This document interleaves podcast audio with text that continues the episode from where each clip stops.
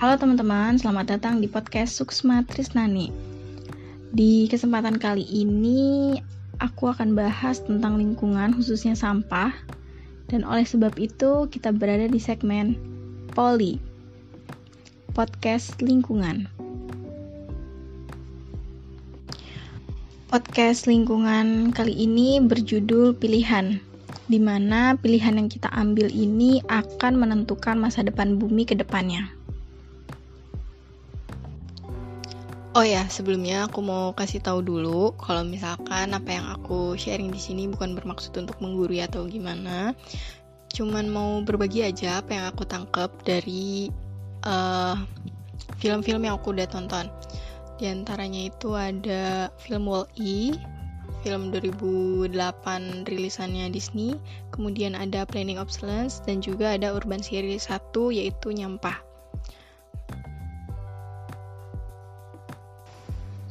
Jadi eh, video-video uh, yang tadi udah aku sebutin itu merupakan video-video yang sangat amat bagus gitu, apalagi di zaman sekarang yang sampah pada faktanya ternyata sudah sangat amat banyak sekali gitu. Hmm, dan ini cukup menyadarkan, menyadarkan banget gitu tentang kenyataan yang ada dan juga uh, gimana nantinya ke depannya jika kita tidak menangani masalah sampah ini dengan serius.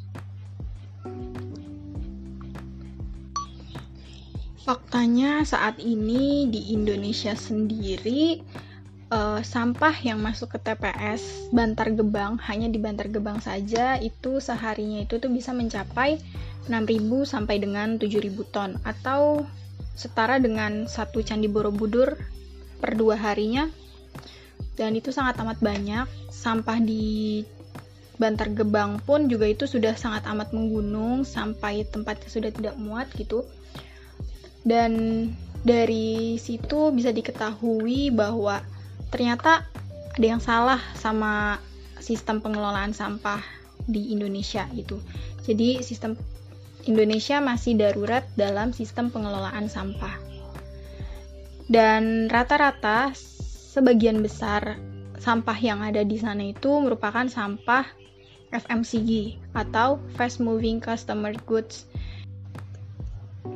yaitu sampah yang memiliki perputaran produksinya itu dengan sangat cepat. Kayak sampah-sampah kemasan makanan terus sampah-sampah kemasan uh, kebutuhan sehari-hari kayak sabun, sampo gitu. Itu kan perputarannya itu sangat cepat gitu dan akan sangat menghasilkan banyak sampah gitu. Kemudian uh, dalam sistem pengelolaan sampah ternyata nggak cuma masyarakat aja atau individu aja yang memiliki peran besar dalam menangani masalah sampah ini, tetapi juga dari pemerintahnya itu sendiri, gimana pemerintah itu menyikapinya dan memberikan kebijakan kebijakan-kebijakan untuk mengelola sampah tersebut gitu. Di Indonesia sendiri itu ada yang namanya ISEL atau Indonesian Center for Environment Environmental Law. Uh, ISEL ini mengatur tentang kebijakan-kebijakan tentang pengelolaan sampah atau pengelolaan lingkungan gitu.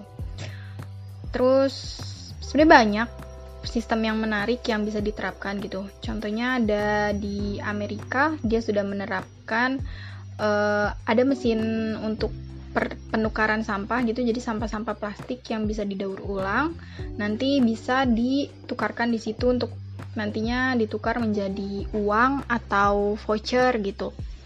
Kemudian um, di sini juga ada yang namanya planning obsolescence. Planning obsolescence ini khusus untuk sampah elektronik gitu.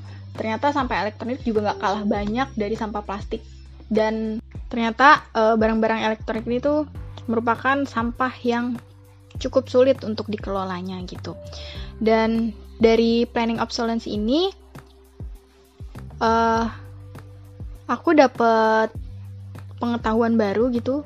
Kalau misalkan ternyata 1 sampai 4 tahun sekali itu tuh pasti manusia itu tuh individu itu mengganti atau memperbaharui uh, barang elektroniknya seperti handphone mungkin, terus laptop, mesin cuci, kulkas, setrikaan, dan masih banyak yang lainnya. Dan um, untuk mengelolanya itu hal yang bisa kita lakukan terhadap sampah elektronik itu tuh salah satunya ialah selagi masih bisa untuk diperbaiki kita perbaiki dulu gitu jadi nanti kita uh, servis dulu ke tukang yang bisa nyervis itu gitu baru kita gunakan lagi gitu. Jadi mengurangi sampah itu untuk berakhir di tempat pembuangan sampah gitu. Lalu setelah banyaknya fakta-fakta tadi uh, apa aja sih yang bisa dilakukan kita sebagai individu masyarakat Indonesia untuk uh, mengambil peran gitu? Mengambil peran di masyarakat dalam mengelola sampah ini? Sebenarnya banyak yang bisa dilakukan cuman di sini uh, ada beberapa poin yang bisa saya, aku sampaikan aku share gitu yang kira-kiranya bisa di uh, dipilih gitu untuk menjadi pilihan teman-teman dalam mengelola sampah ini yang pertama itu ada hal kecil banget itu membuang sampah pada tempatnya. Ini sangat amat berguna banget gitu, walaupun halnya kecil cuman buang sampah pada tempatnya, tapi dengan begitu kita tidak mengotori lingkungan. Kita tidak membuat lingkungan semakin tidak enak dipandang dan nanti malahnya menimbulkan penyakit gitu. Terus setelah kita buang sampah pada tempatnya, kita pilah sampah tersebut. Kita pilah sampah tersebut, uh, apakah sampah tersebut merupakan sampah yang bisa didaur ulang atau ternyata dia tidak bisa didaur ulang gitu nanti kita membuangnya sesuai dengan kategorinya gitu. Atau juga kalau misalkan untuk sampah sisa makanan gitu kita bisa memilahnya untuk dijadikan kompos. Kita kelola sendiri untuk dijadikan kompos. Untuk menjadikan kompos sendiri itu kita tidak perlu biaya yang mahal gitu.